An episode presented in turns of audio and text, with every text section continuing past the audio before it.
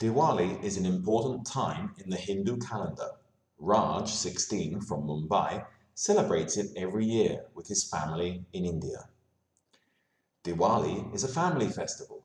It's called the Festival of Lights.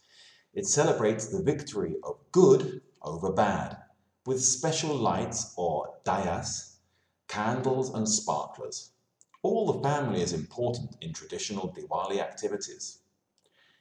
Diwali is usually in October or November at the start of the Hindu New Year.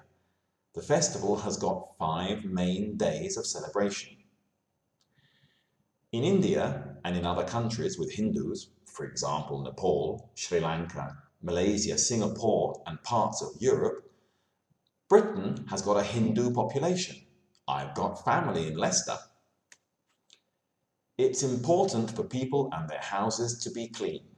Clothes are very important during the five days of the festival.